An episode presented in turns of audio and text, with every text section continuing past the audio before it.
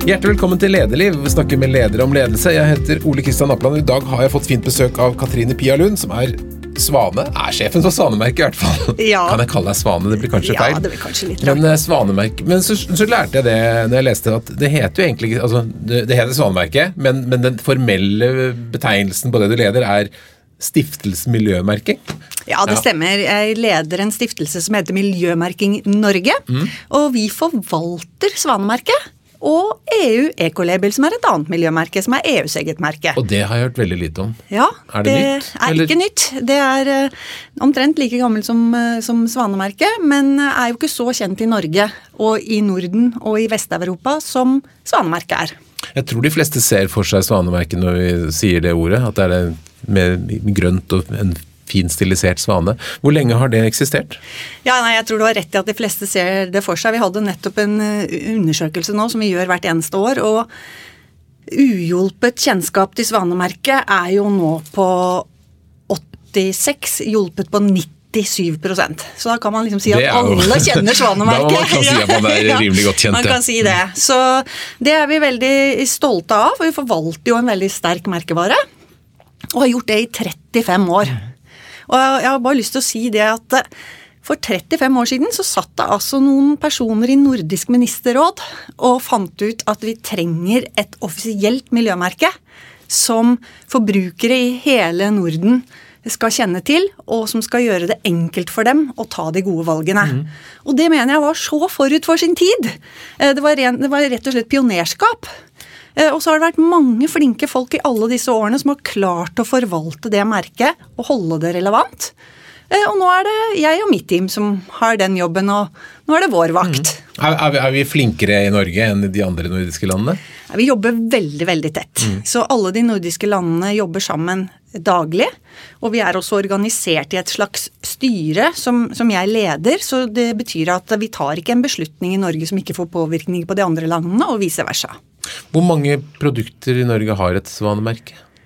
Ja, altså Nå har vi faktisk satt ny rekord i år. Vi har hatt en økning på 10% i forhold til i fjor. Og nå er vi altså oppe på 35 000 Wow. svanemerkede varer og tjenester. opp, da gidder vi ikke lese opp de nå. Vi gidder ikke å lese opp alle de nå, kan se på rulleteksten. er det Men, det men de ok, sier? så ser jeg Hva betyr det da at det er svanemerke? Hva, hva, hva, hva, lover det da? Ja, så Svanemerket er liksom Salgspitchen da, er jo at Svanemerket er et helhetlig miljømerke.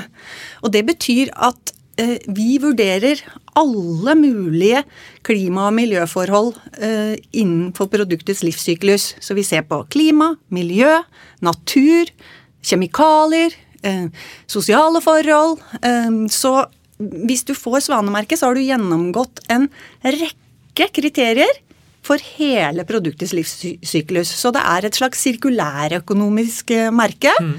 Det sa vi jo ikke før i tiden. Før sa vi helhetlig miljømerke. Nå kaller vi det jo sirkulærøkonomi.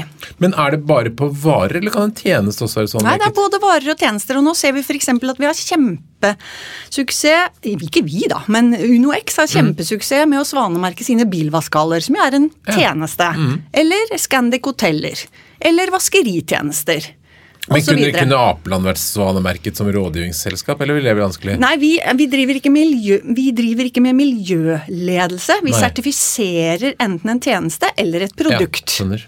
Så bra. Og det er ganske trangt nåløye, så, så de eh, virksomhetene som klarer å få svanemerket, de er blant de beste i klassen, faktisk i hele verden. Svanemerket er nesten er verdens Må, må man eh, fornye det? Ja. Ja. Så du får svanemerket. Vi reiser til og med på kontrollbesøk eh, i hele verden. Hvis eh, denne T-skjorten, Svanemerket, produsert i Bangladesh Da reiser vi og sjekker at fabrikken følger de oppskriftene vi har satt, før man blir svanemerket. Og så varer merket i tre, fire, fem, seks, syv år.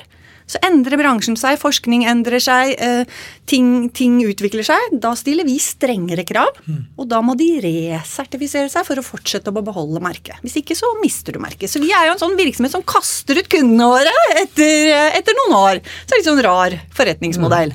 Hvordan ser organisasjonen ut som du leder? Hvor mange mennesker er dere? Vi er 200 i Norden, og i Oslo her i Norge som jeg leder, så er vi nesten 40. Så mye hva da? Ja, vet du hva? Dette er jo en kunnskapsbedrift. Ja. Så vi har eh, eh, folk som jobber med biologi, toksologi, kjemikere. Dette er folk som lager disse miljøkravene som vi stiller. Så dette er superdyktige folk, spesialister, som i samarbeid med hele Norden, bransjen, forskning, lager krav til svanemerking av bygg. Og så eh, går by, eh, kravene ut på høring, sånn at bransjen får lov til å si vet du hva, nå har dere stilt altfor strenge krav. Ja. Eller eh, dette kan vi faktisk klare. Og så er jo vår ambisjon at vi skal ligge i forkant. Vi skal være strengere enn norsk regelverk. Og vi skal være i, i takt med også alt det som skjer i EU. Så det er en ganske krevende prosess å legge kravene på det nivået det skal være. Akkurat nå har vi bilvaskehallkrav på høring. Og da sier bransjen at nå har dere tatt litt for mye Møllers tran, nå har dere vært litt for strenge. Dette kommer vi ikke til å klare. Og da må vi være pragmatiske og, og, og legge kravene slik at i hvert fall noen i næringen klarer dem. For ellers så får vi ingen miljøgevinst. Hvilken sektor er det vi finner flest sånne merker? Ja, det er bygg. Altså nybygg er den største, største bransjen vår. Eh, rengjøringsbransjen, faktisk. Eh, vi har mange, mange som har svanemerket sine rengjøringstjenester. Møbel. Møbelbransjen er kanskje de tre største akkurat nå. Ja. Men så er det jo 60 andre produktgrupper og næringer som jobber med svanemerket. Og så så jeg at dere i 2022 hadde ca. 48 millioner kroner i omsetning. Hvor kommer de pengene fra? Det? Hvordan Ja, nå er vi på underkant av 60 faktisk i omsetning. 60 mil. Og en tredjedel er eh, tilskudd fra staten. Og to tredjedel er inntekt fra kundene våre. De betaler oss for lisensieringsarbeidet, for da gjør jo vi en rådgivningsjobb. Vi lager en oppskrift. Og så sier vi hvis du følger denne oppskriften, så kan du bli lisensiert. Ja. Og hvis de da velger å bli lisensiert, så betaler de også en omsetningsavgift for å få lov til å bruke svanemerket i sin markedsføring. For det har jo en verdi. Så pengene tikker inn hos deg hele tiden? ja, nei, men nå er jo vi en stiftelse. Vi skal jo ikke drive kommersielt. Vi skal gå i null. Eh, og hvis eh, vi skulle gå i overskudd, så går pengene tilbake til å utvikle flere miljøkrav. Så Og du har ledet den i ja, to, snart tre år. Ja. Eh, og, og før det så har du vært mye innenfor markeds- markedsføring og kommunikasjon. Jeg, jeg, jeg følte meg litt sånn gammel jeg leste for Det er sånn Bråten Safe og sånn. så- Ja. Det var et flyselskap som fantes en gang. Men, men du, har, sant? du har vært i, i Bråten, du har vært i SAS, du har vært i Operaen og Innovasjon Norge før du kom til Svanemerket. Da, men hele tiden da på markedkommunikasjon, eh, og så nå er du administrerende første gang. Var det, var det en stor overgang? Nei, det syns jeg egentlig ikke det var. Jeg syns det bare var en helt naturlig overgang. Eh, Jeg har jo jobbet som leder helt siden jeg begynte i Bråtens i sin tid. Da jobbet jeg vel ett år, og så dro den gang sjefen min dro til OL. Og skulle lede pressearbeidet der. og Ja, for det var på 1994, Ja, det var på, ja, ja. ja, ikke sant, det kjempelenge Ja, ja. siden. Eh, Og da var jeg informasjonskonsulent, hadde jobbet ett år. Hadde, hovedfag i statsvitenskap og trodde jeg skulle bli journalist. Mm. ikke sant? Og så ble jeg jo ikke det da, men jeg endte opp i Bråtens, som jo var en helt fantastisk arbeidsplass. Og da ble jeg eh, leder for informasjonsavdelingen det året. Og etter det så var det på en måte ingen vei tilbake. Etter det så har jeg hatt lederroller. Men nå er du liksom ingen over deg, da. Nå er du sjefen over alle. Er ikke det litt annerledes? Jo, jo, på én måte, men du vet at en, en, en, en leder i dag tar jo ikke veldig mange beslutninger alene. Ikke sant? Beslutningene tas jo i samarbeid, på innspill fra Så, så forskjellen er ikke nødvendigvis størrelsen på ansvaret, men det er at du har ansvaret. Det er ingen andre som har ansvaret. Det er det du som har. Eller jeg, da. Nå. Men tenker du at du har noen øh, liksom, fordeler av å komme fra markedsinformasjonssiden? informasjonssiden? For det er jo ikke øh, så veldig mange av de lederne vi har i lederliv som gjør det. Det, kommer, det er mye ingeniører og, og jurister og økonomer og sånn. Det er ikke så mye kommunikasjonsfolk. Er det bra å ha den bakgrunnen? Ja, det syns jeg absolutt. Og jeg tenker at eh, vi skal snakke om, om ledelse, da, så tenker jeg at det handler veldig mye om sunn fornuft. Det handler om kommunikasjon. Det handler om å eh, forstå eh, både hva som skal sies og hva som skal forstås. Eh, og det har jeg jo lang erfaring fra. Og så har jeg jo fått være med både i Operaen og i Innovasjon Norge og ta større ansvar enn det eh, markedsføringsmessige. Så det var bare naturlig naturlig overgang til dette. Og så kom den rollen i Svanemerket, og jeg bare tenkte at dette er et Så nå har vi et vindu. Eh, nå skjer det så mye i EU, i verden. Eh, og det å få lov å ha en lederrolle nå, det tenker jeg er et stort privilegium. Og et ansvar òg.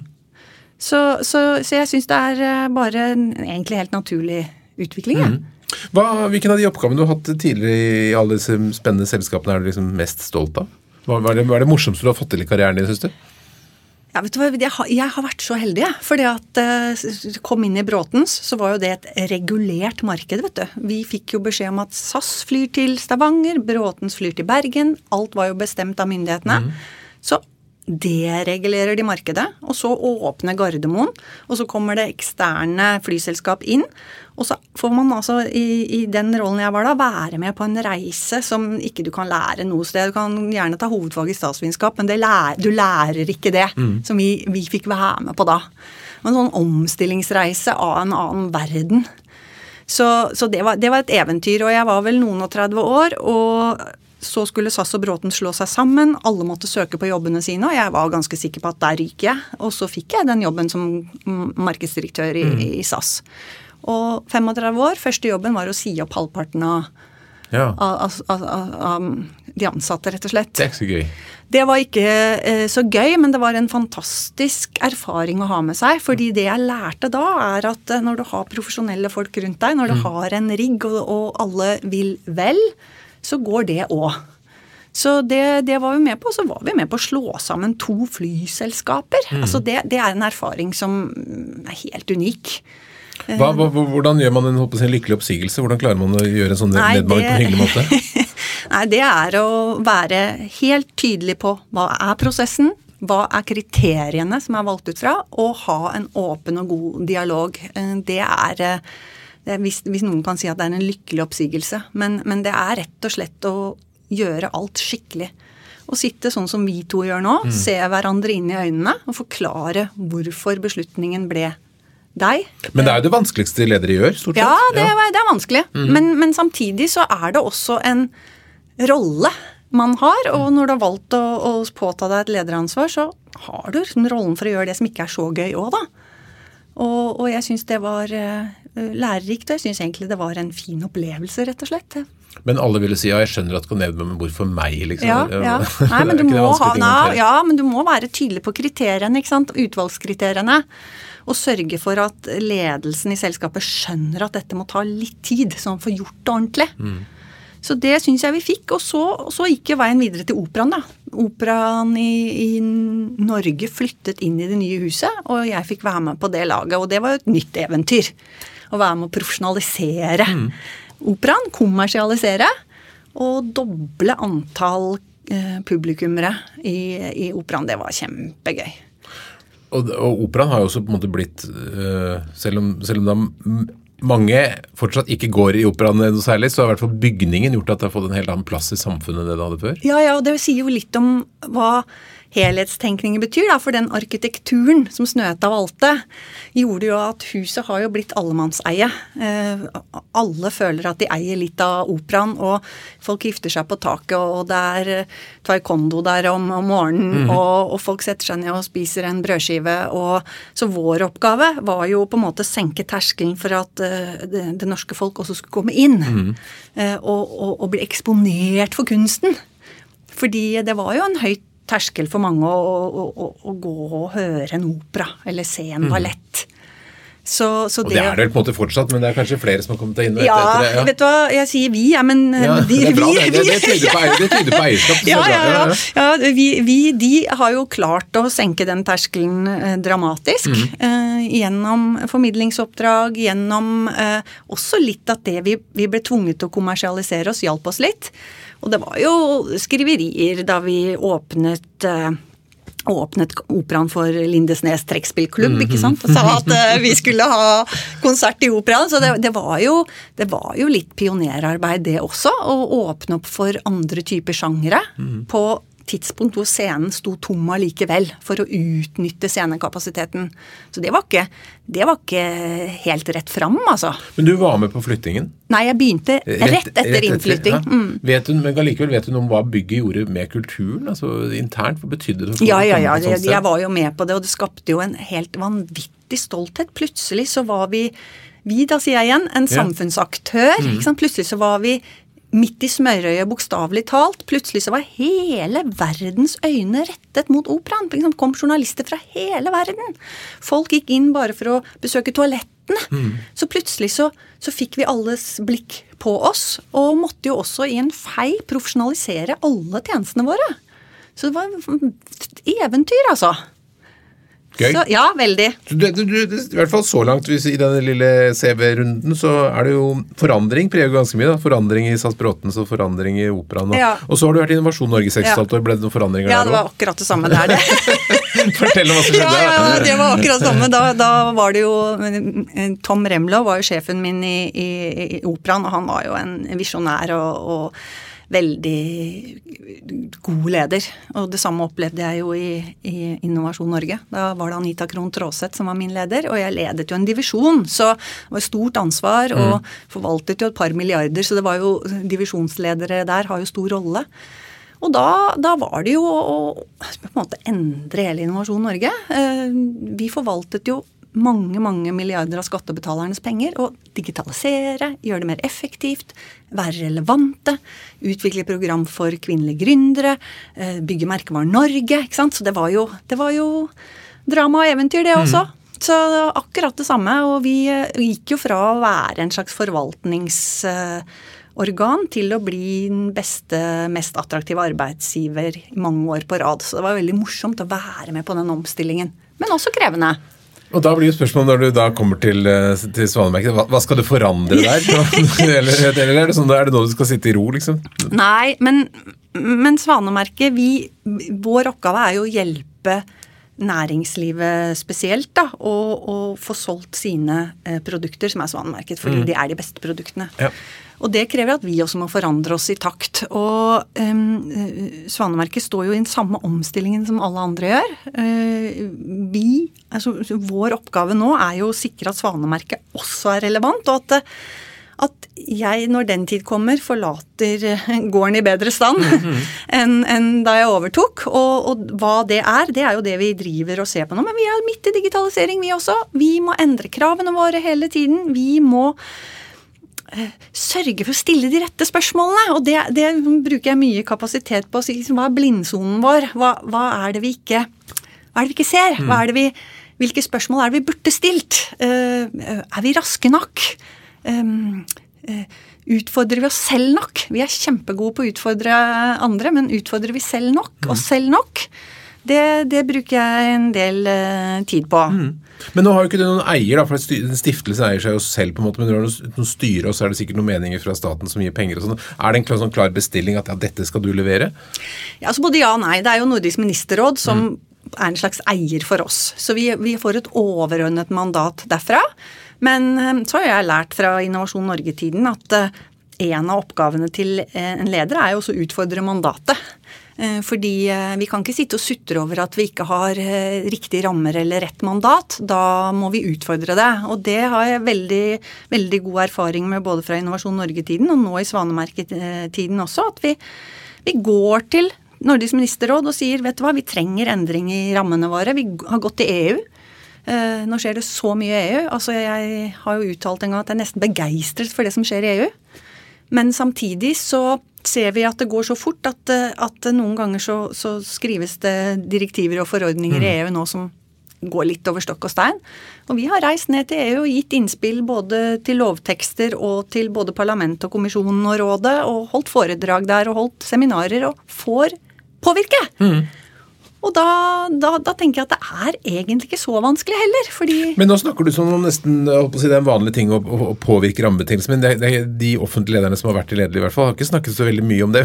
Men jeg tror mange forholder seg til det man, man får. Eh, hvordan gjør man det best når man skal liksom si til de som har satt rammen at de vil ha det annerledes? Hvordan, hvordan bør man gripe det an? Ja, nei, det, er- det er egentlig ikke så vanskelig som man kanskje tenker. Altså, det er jo rett og slett eh, oppføre seg som folk og be om, be om et møte. For Beskrive situasjonen man ser, beskrive bildet man ser, dokumentere det man ser. Definere en utfordring som, som vi ser at vi kan være med å løse. Altså, jeg, jeg, jeg tror 150% på at eh, Svanemerket kan være med å bidra til de store klimamålene i 2030. Uh, og hvis det da betyr at vi enten ønsker oss noe mer ressurser, eller ønsker oss et bredere oppdrag, så må vi fortelle de som styrer det. For vi kan ikke forvente at de står opp hver morgen og tenker på svanemerket. Og Det det det, gjør. vi. ja, det gjør jeg. Og da må vi jo hjelpe dem til å uh, se hva vi ser. Mm. Og noen ganger, og ganske ofte, så får vi gjennomslag for det. Og andre ganger så, så er ikke bildet det samme som vi ser, og da aksepterer vi det. Men Men nå har du da vært gjennom mange jobber med hvor det skal gjøres en forandring. Altså, hva, er eh, hemmeligheten, hva er triksene for å forandre en organisasjon?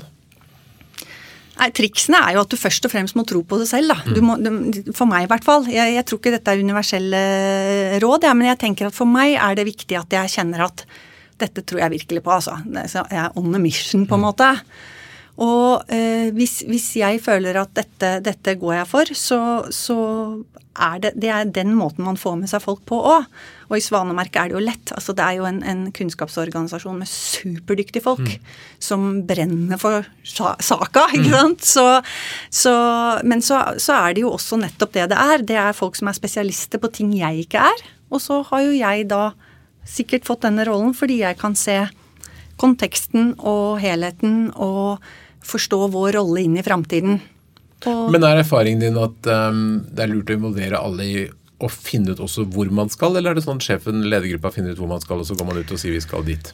Nei, jeg tror eh, det er litt, forskjell, det er litt forskjellig på størrelse på organisasjoner. Men vi er en ganske liten organisasjon med 200 totalt. Og, og det å involvere ganske bredt, i hvert fall som ny leder inn, det tror jeg er kjempelurt. Og det gjorde vi også da jeg startet. Altså Vi hadde en samling i bånn, eh, fysisk også. Det var jo rett etter korona, og vi samlet eh, oss i to dager. og definerte hva er styrkene våre, hva er det vi må endre på, hvor skal vi flytte oss.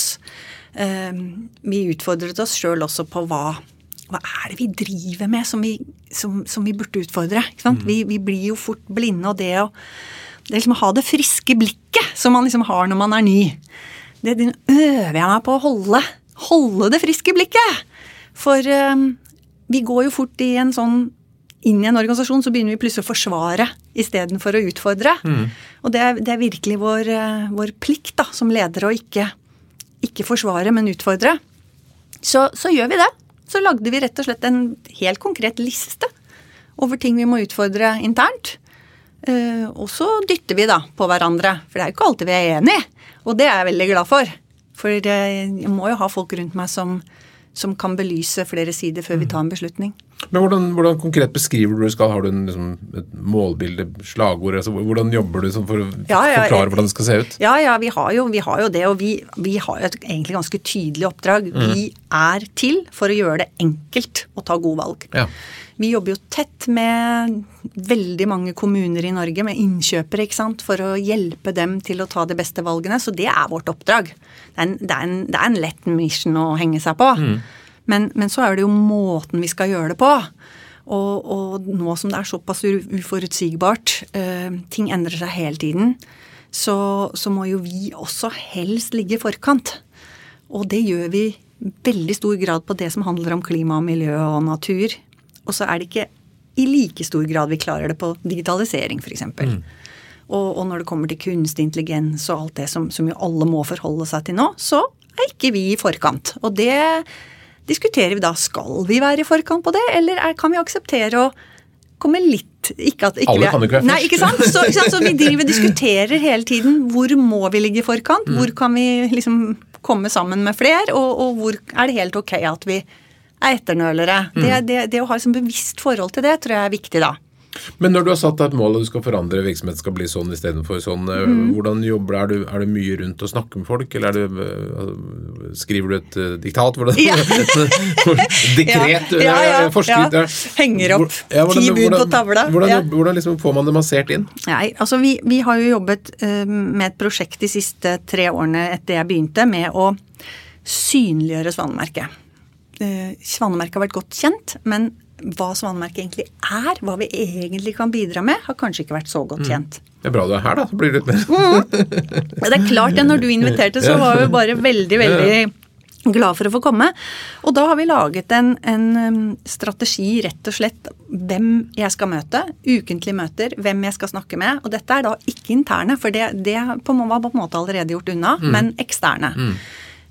Hvem må vi samarbeide med? Hvor skal vi posisjonere oss? Hvilke politikere skal vi snakke med? Så vi har jo hatt et posisjoneringsprosjekt i to og et halvt år, som jo på en måte er, er mye av det jeg har jobbet med før også. Det høres litt ut som en ja. Ja, ja, ja men, men, men, det er jo en toppleders ansvar å uh, synliggjøre selskapet sitt for, for, de verdiene vi vet vi står for, mm. som jeg syns kanskje har vært litt for usynlig på vegne av Svanemerket. Og det og jeg er forberedt på at, at eh, folka mine, som jeg kaller dem, da, at de kanskje ville oppleve at eh, det var feil fokus fra meg. At jeg var mye ute, at jeg ikke gikk inn i alle produksjonsprosessene, for å kalle det det. Men det ble ikke sånn. Det skapte bare en veldig stolthet internt.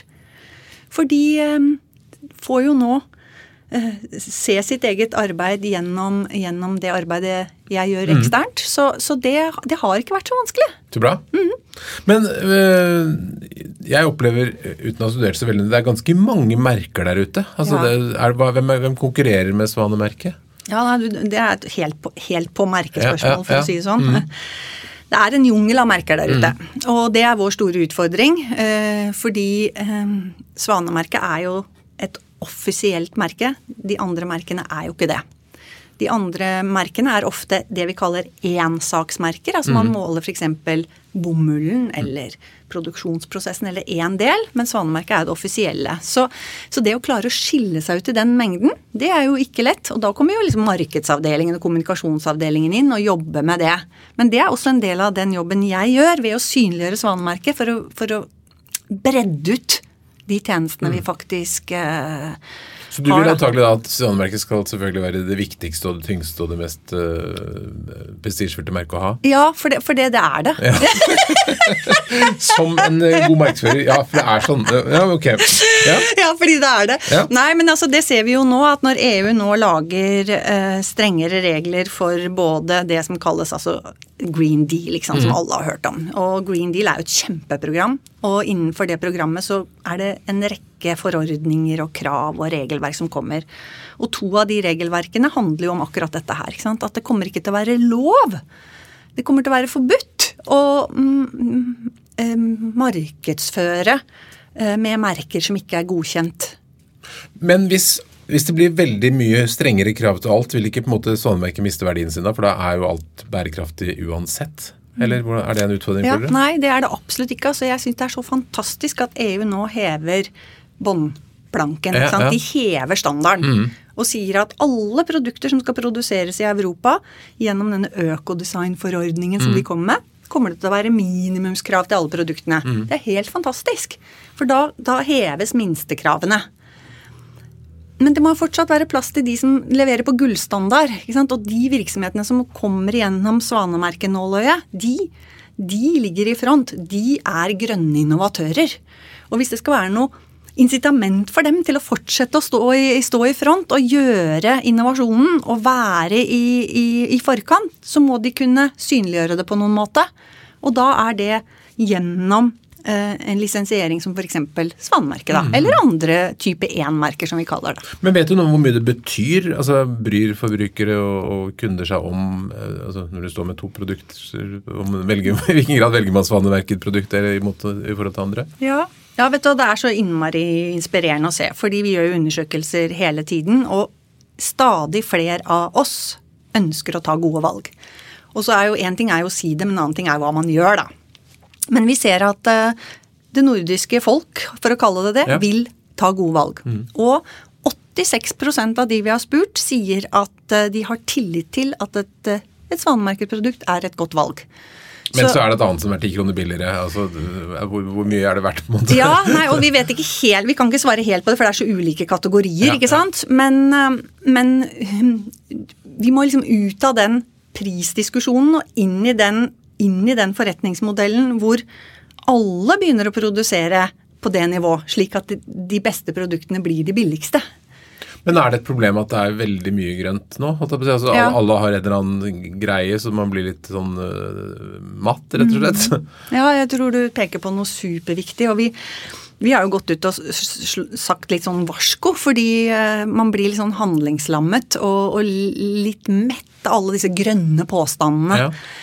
Grønt ditt og eko datt og miljøvennlig her og der. Og det, det er folk rett og slett lei av. Og det har vi også dokumentasjon på. At, man, at det skaper en, en mistillit til all kommunikasjon. Og det er så farlig for de virksomhetene som faktisk gjør det bra, og som kan dokumentere det. De, de, de lider jo også under dette, så, vi, så vi, vi er veldig glad for EU og alt det som skal rydde opp, da. Men er det mye juks og fanteri? Grønnvasking? Ting som, som har et en fancy merke som kanskje ikke betyr så mye? Nei, altså Vi vet jo at grønt selger, da. Og da kan det jo være fristende å eh, påstå et eller annet. Og det er ikke noe feil å påstå noe så lenge du kan dokumentere deg. Men, eh, men det er jo derfor de offisielle merkeordningene som finnes, kommer til å få høyere standing, fordi det er det som kommer til å være lov når EU kommer med de nye reglene. Bruker dere også, burde jeg kanskje visst, men Ja. jeg vet ikke, bruker, reklamerer dere noe særlig for, for Svanemerket? Har, Ja da. har, du- har du Ja reklame på TV? Ja, det er et godt spørsmål det òg, for det har vi ikke gjort så mye. For vi har jo ikke hatt eh, midler til det. Men i fjor og i år så har vi litt ekstra midler og så kjører kampanjer. Og da er det jo for å løfte kundene våre. Eh, det er jo de som er heltene. Eh, Det er ikke Svanemerket som er helten, Nei. men det er de virksomhetene som har klart å komme gjennom nåløyet. Men uh, hva, du, du var så vidt inne på det med kunstig intelligens og nye teknologiske muligheter. Ser du for deg at det kommer til å forandre mye for dere? Blir, blir det bare raskere saksbehandling, eller er det noe annet du kan gjøre? Ja, nei, men jeg tror vi Jeg tror ikke vi I hvert fall snakker for meg selv. Jeg tror ikke vi helt skjønner omfanget av hva det kan gjøre for oss, ja, altså. Det tror jeg du har helt rett i. Ja, nei, og, og jeg, jeg, Det jeg bare skjønner, er at som jeg sier til digitaliseringsteamet vårt, at om, om noen få år, jeg tror ikke det er mange år engang, så kommer vi Jeg vet ikke om vi kommer til å le eller gråte av det vi gjør nå, ja, men en av delene. fordi nå sitter vi og, og jobber med å digitalisere arbeidsprosessene våre, og det er tøffe tak. Og så tror jeg at mye av det vi gjør nå, nærmest kunne bare løst seg gjennom kunstig intelligens. At, at en, en, en, et verktøy kunne lese alle kravene våre, eh, evaluere for oss. At det kommer fortere enn vi nesten skjønner. Det er jeg helt sikker på. Men det, vil vel kanskje også kunne hjelpe folk å ta litt bedre miljøvalg, da, hvis man får data eller systemer som gjør at man kan analysere ting enda bedre? Ja, og så, er det jo sånn at både for, for kommuner som skal ut med anbud, eller for oss forbrukere som, som skal ut og handle i butikken, så, så, så er vi på en måte ikke sånn at vi skal sitte og analysere. Vi, vi, vi må kunne ta valg fort. Enkelt. Eh, og det er liksom hele kjernen i vår oppgave, er å gjøre det enkelt. Uten at vi trenger å være eksperter på dette selv, for det, det, den jobben har vi gjort, på en måte, da. Men hvis det, selv om du da sa det var mange som har det merket, så er det åpenbart mange som ikke har det òg. Er, er det Hvorfor har man ikke merket? Er det fordi man ikke er bærekraftig, eller er det fordi det er for dyrt, eller hva er barrierene liksom for folk for å ha det? Ja, det kan være mange grunner det, men, men vi har ikke gjort noen undersøkelse på hvorfor øh, virksomheter ikke har svanmerket. Det har vi ikke. Men, men du må jo klare ganske strenge krav. Mm. og, og det er en ganske stor jobb. Og bare på en, en, en genser da, som, som skal svanemerkes, så stiller vi 104 forskjellige krav. ikke sant? Så det er, det, er, det er ikke nok å liksom ha Kanskje det er rett og slett er for mye jobb? Kanskje Ja, det- tenker, ja, det er stor jobb. Og så tenker jeg nei, orker, det, orker ikke det. Det er stor jobb, Ja. men, men eh, da sitter de også med en, en solid tredjepartsdokumentasjon, ikke sant? som de kan eh, vise til både EU og andre som trenger den dokumentasjonen. Har du noe annet som hvor mye dette betyr, sånn bærekraftsmessig? Altså hvis, Om alle hadde valgt svanemerket, eller om alle hadde valgt ikke-svanemerkede produkter? Ja. Vet du noe Det er kanskje Nei, ikke så lett å gi det. nei, det vet du hva, det er så nei. superspørsmål. Ja. Og um, utfordringen Redder vi verden med dette? er egentlig spørsmålet mitt. Eh, Vi, vi, vi, vi bidrar i hvert fall. Ja. Eh, og med, 25, med 35 000 svanemerkede produkter bare på det norske markedet, Mm. eh, så gjør det en forskjell. Og så tenker jeg at vi må ikke bli sånn handlingslammet av at vi ikke får gjort alt. eh, Eller at vi ikke en, en kanskje kan måle alt akkurat nå. Men det er jo en utfordring vi deler med egentlig hele Europa. At, det, at vi ikke har noen helt standarder for hvordan vi skal måle, hvordan skal vi eh, dokumentere. Det er jo den jobben vi er midt i nå. Eh, Så, så vi, vi kan ikke gi deg et, et eh, CO2-fotavtrykk totalt, men vi kan f.eks. si at en svanemerket skole er jo vesentlig bedre for, med, med hensyn til CO2-utslipp enn en annen vanlig skole. Så vi har jo tall på enkeltprodukter, men ikke totalen. Nei. Hva er mest gøy med jobben, syns du? Nei, det er jo å jobbe sammen med kjempeflinke folk. Det er helt fantastisk å få være en del av et sånt miljø. eh, Få lov til å føle at hver dag er rett og slett ganske viktig. Jeg føler at vi er med på noe viktig. Jeg føler at vi gjør en forskjell. Så det, det syns jeg er helt fantastisk. Hva syns du er vanskelig, da? Hva, hva er det du liksom grubler på om natten når du ligger våken? det er litt det jeg sa i stad. Så jeg grubler på om vi er raske nok. Om vi eh, ser våre egne blindsoner, da. Um, gjør vi det for komplisert? Du vet jo ikke hva du ikke vet. Nei. Nei, nei ikke sant? Men, men så, så det, å, det å oppsøke ulike miljøer, det å på en måte stille, prøve å være nysgjerrig da, for, å, for, å, for å få liksom åpne perspektivet litt, det, det jobber vi helt bevisst med. Det er derfor jeg også som sagt møter eksterne minst en gang i uka, en ny ekstern aktør, bare for å få innspill. For at vi ikke liksom blir en sånn glassklokke. At vi glemmer at vi er en del av en, kontekst. Opplever du ofte da at folk ikke vet nok om det, at det er myter der ute som er feil og sånn? Ja, Mm. jeg gjør det. Og det er derfor vi har jobbet med dette synlighetsprosjektet disse to og et halvt årene. Fordi veldig mange vet hva Svanemerket er, og så, og så vet de ikke helt hva det faktisk er. Det skjønner Mm. jeg. Men er det, det Jeg tenker det er jo litt spesielt at vi får lov å holde på um, i Norge eller i Norden med litt egne ting. For på mange andre områder så er jo EU ganske brutale. og Sitter i Brussel og bestemmer skal være sånn og sånn og sånn. Men, men betyr det at, vi har, at, vi, at Svanemerket gir oss litt mer fleksibilitet i Norden enn det andre regioner kanskje har? Ja, men Det betyr at vi samarbeider veldig godt med EU, mm. og at vi eh, til enhver tid etterstreber å være i takt med EU, eller kanskje til og med i forkant hvis vi klarer det. Mm. Og vi forvalter jo også EUs eget miljømerke, EU Ecolabel, så vi, vi, vi er vi er i, i Jeg vil si at vi samarbeider. Mm. Eh, og det vi, vi har jo til og med fått innflytelse på de lovene som kommer nå, så, så jeg opplever at Hvis det går an å si at EU lytter, da, men, men jeg opplever at de gjør. Så, så eh, Svanemerket kommer til å være akseptert i de nye eh, forordningene som EU kommer med nå. Hvordan vil du at de ansatte skal oppfatte deg som leder? Ja, hvordan jeg vil at de skal oppfatte meg. Jeg håper de oppfatter meg som en som øh, forstår øh, hva som skal til for å fortsette å gjøre Svanemerket relevant. Og at jeg kan nok om det vi driver med til å bidra til å ta de rette beslutningene, men at jeg ikke trenger å kunne alt det de kan. Og det, det, det tror jeg vi har funnet ut av sammen, altså. Så er jeg i godt humør og masse energi og øh, veldig glad for, for jobben min. Altså, jeg er sånn som du ikke får på hjemmekontor om du gjerne vil. ikke sant? For jeg, jeg trenger å være med folk. Så, så jeg tror de opplever meg som, som en som kjemper for, for det vi skal klare å oppnå. Tenker du, tenker du at humør er en viktig del av lederverktøykassen din? Ja, det tenker jeg. Veldig. Jeg eh, vil at eh, de jeg jobber med, og både de som rapporterer direkte til meg, men også de andre, ikke skal eh, bekymre seg for meg eller være redd for at jeg har en dårlig dag, eller at man skal ikke behøve å tolke. kan Du, du har vært mye rundt og sett mye ledere. Er det en del ledere som er sånn at folk blir litt, er litt redde for dem? Nei, jeg vet, jeg vet ikke hva jeg skal si. Jeg har vært så heldig med mine egne ledere. Så, så jeg har veldig, veldig positive forbilder. Men, men et, et, et godt humør tenker jeg er en gave også i lederrollen. Generelt i ja, livet er vel det en bra humør. ting å Ja, ha litt, da, jeg litt godt humør. Ja. Men, men hva tenker du da? Du snakker med så mange ledere, som, som du sa før vi begynte, mm. og nesten 300 ledere. Hva, hva mener du kjennetegner en god leder, da? Jeg tror godt humør er bra. Ja. Jeg tror det kommer til å bli. Eh, men, men ellers så er det vel den, kanskje alt dette balansen mellom eh, rastløshet og tålmodighet som jeg Mm. tror mange sliter med. Så Du har lyst til å gjøre alt mulig, men så er det det å dra med seg laget. Det var et, en som sa her at man som leder så skal man gå liksom foran eh, soldatene, men, men ikke så langt fremme at man blir skutt i ryggen. og Det er vel noe med det at du skal liksom holde, prøve å dra med seg laget, og det er vel kanskje en utfordring. men eh, jeg tror helt klart at folk foretrekker ledere som er blide fremfor andre. Hvis du fikk, hvis vi, går mot avslutning, Ja. hvis du skulle få gi noen råd hvis det kommer en ung person til deg, kanskje du har barn i den alderen eller sånn som, som skal ha, bli ledere, hva ville dine tre viktigste lederråd være? Ja, Det er jo et godt spørsmål, og jeg tenker at jeg har ikke et sånt universelt svar. fordi det kommer så an på hvem, den, hvem er den personen.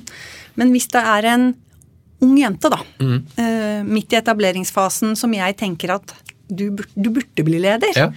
Eh, For det ser jeg at det må man noen ganger pushe på. Eh, Og da, da ville jeg nok først og fremst sagt spurt om hva er den egentlige motivasjonen.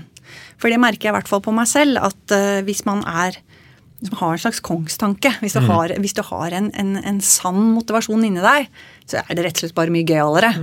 Så, så jeg ville bedt vedkommende Så let etter motivasjon, Ja, ja, jeg vil, nummer vil finne Ja, ja. motivasjon, ikke sant? Og så ville jeg sagt at du må være du må være eh, modig fra dag én og tørre å ha folk rundt deg som er flinkere enn deg. Ja. Egentlig på alt. Og det kan være litt sånn scary i første Ja, for det er mest kanskje. behagelig å være flinkest. Ja, Ja. men det, det tenker jeg at det må man bare det, det vil jeg sagt at legg det vekk med en gang. Bare vær uh, robust og modig, og samle sammen de flinkeste du vet, og, og få et team rundt deg. Um, og det tredje tenker jeg er litt sånn Det er ingen skam å snu. Altså, Man må ikke være leder hele livet, eller man må ikke være eh, personalleder bestandig. Altså Ledelse er jo mer enn bare ha personalansvar. Og sånn som verden er i dag, så tenker jeg at vi trenger tankeledere. Vi trenger, vi trenger ledere på alle nivå. Så det å, å ta på seg personalansvar, det er ikke sikkert man skal gjøre i alle faser av livet. Men, men, men gjør man det, så har man også en, en, en plikt til, å, til å, å ta rollen. Men da er det lov å si at nå er den fasen over, og nå vil jeg gjøre noe annet. Det er bra råd. Sjeldent råd. Veldig bra. Helt til slutt, er det noe område vi skal være, passe ekstra på når vi går i butikken, hvor vi bør se etter svanemerket? Ja, jeg syns dere bør eh, se etter svanemerket nesten uansett hva man skal kjøpe. Ja, og, og du, du som Men er det, er det noen sektor som, hvor vi kan bli flinkere, særlig? Ja, altså Skal du legge deg inn på et hotell? Skal du Bruker Ja. du vaskeritjenester? eh, kjøper du inn en ny printer? eh, alle de tingene. eh, bilen din når du skal vaske bilen. Selvsagt i matbutikken, men det tror jeg veldig mange kjenner svanemerket fra dagligvarehandel, så der er det jo selvsagt. Men skal du ut og kjøpe investeringsfond, se etter svanemerket fond. Oi, ja, det òg? Ja, da. Yes. Så, så Da har vi noe, Ja. noe å jobbe med. Men da Hjertelig takk for at du kom til eh, Lederliv, og lykke til med Svanemerket. Tusen takk.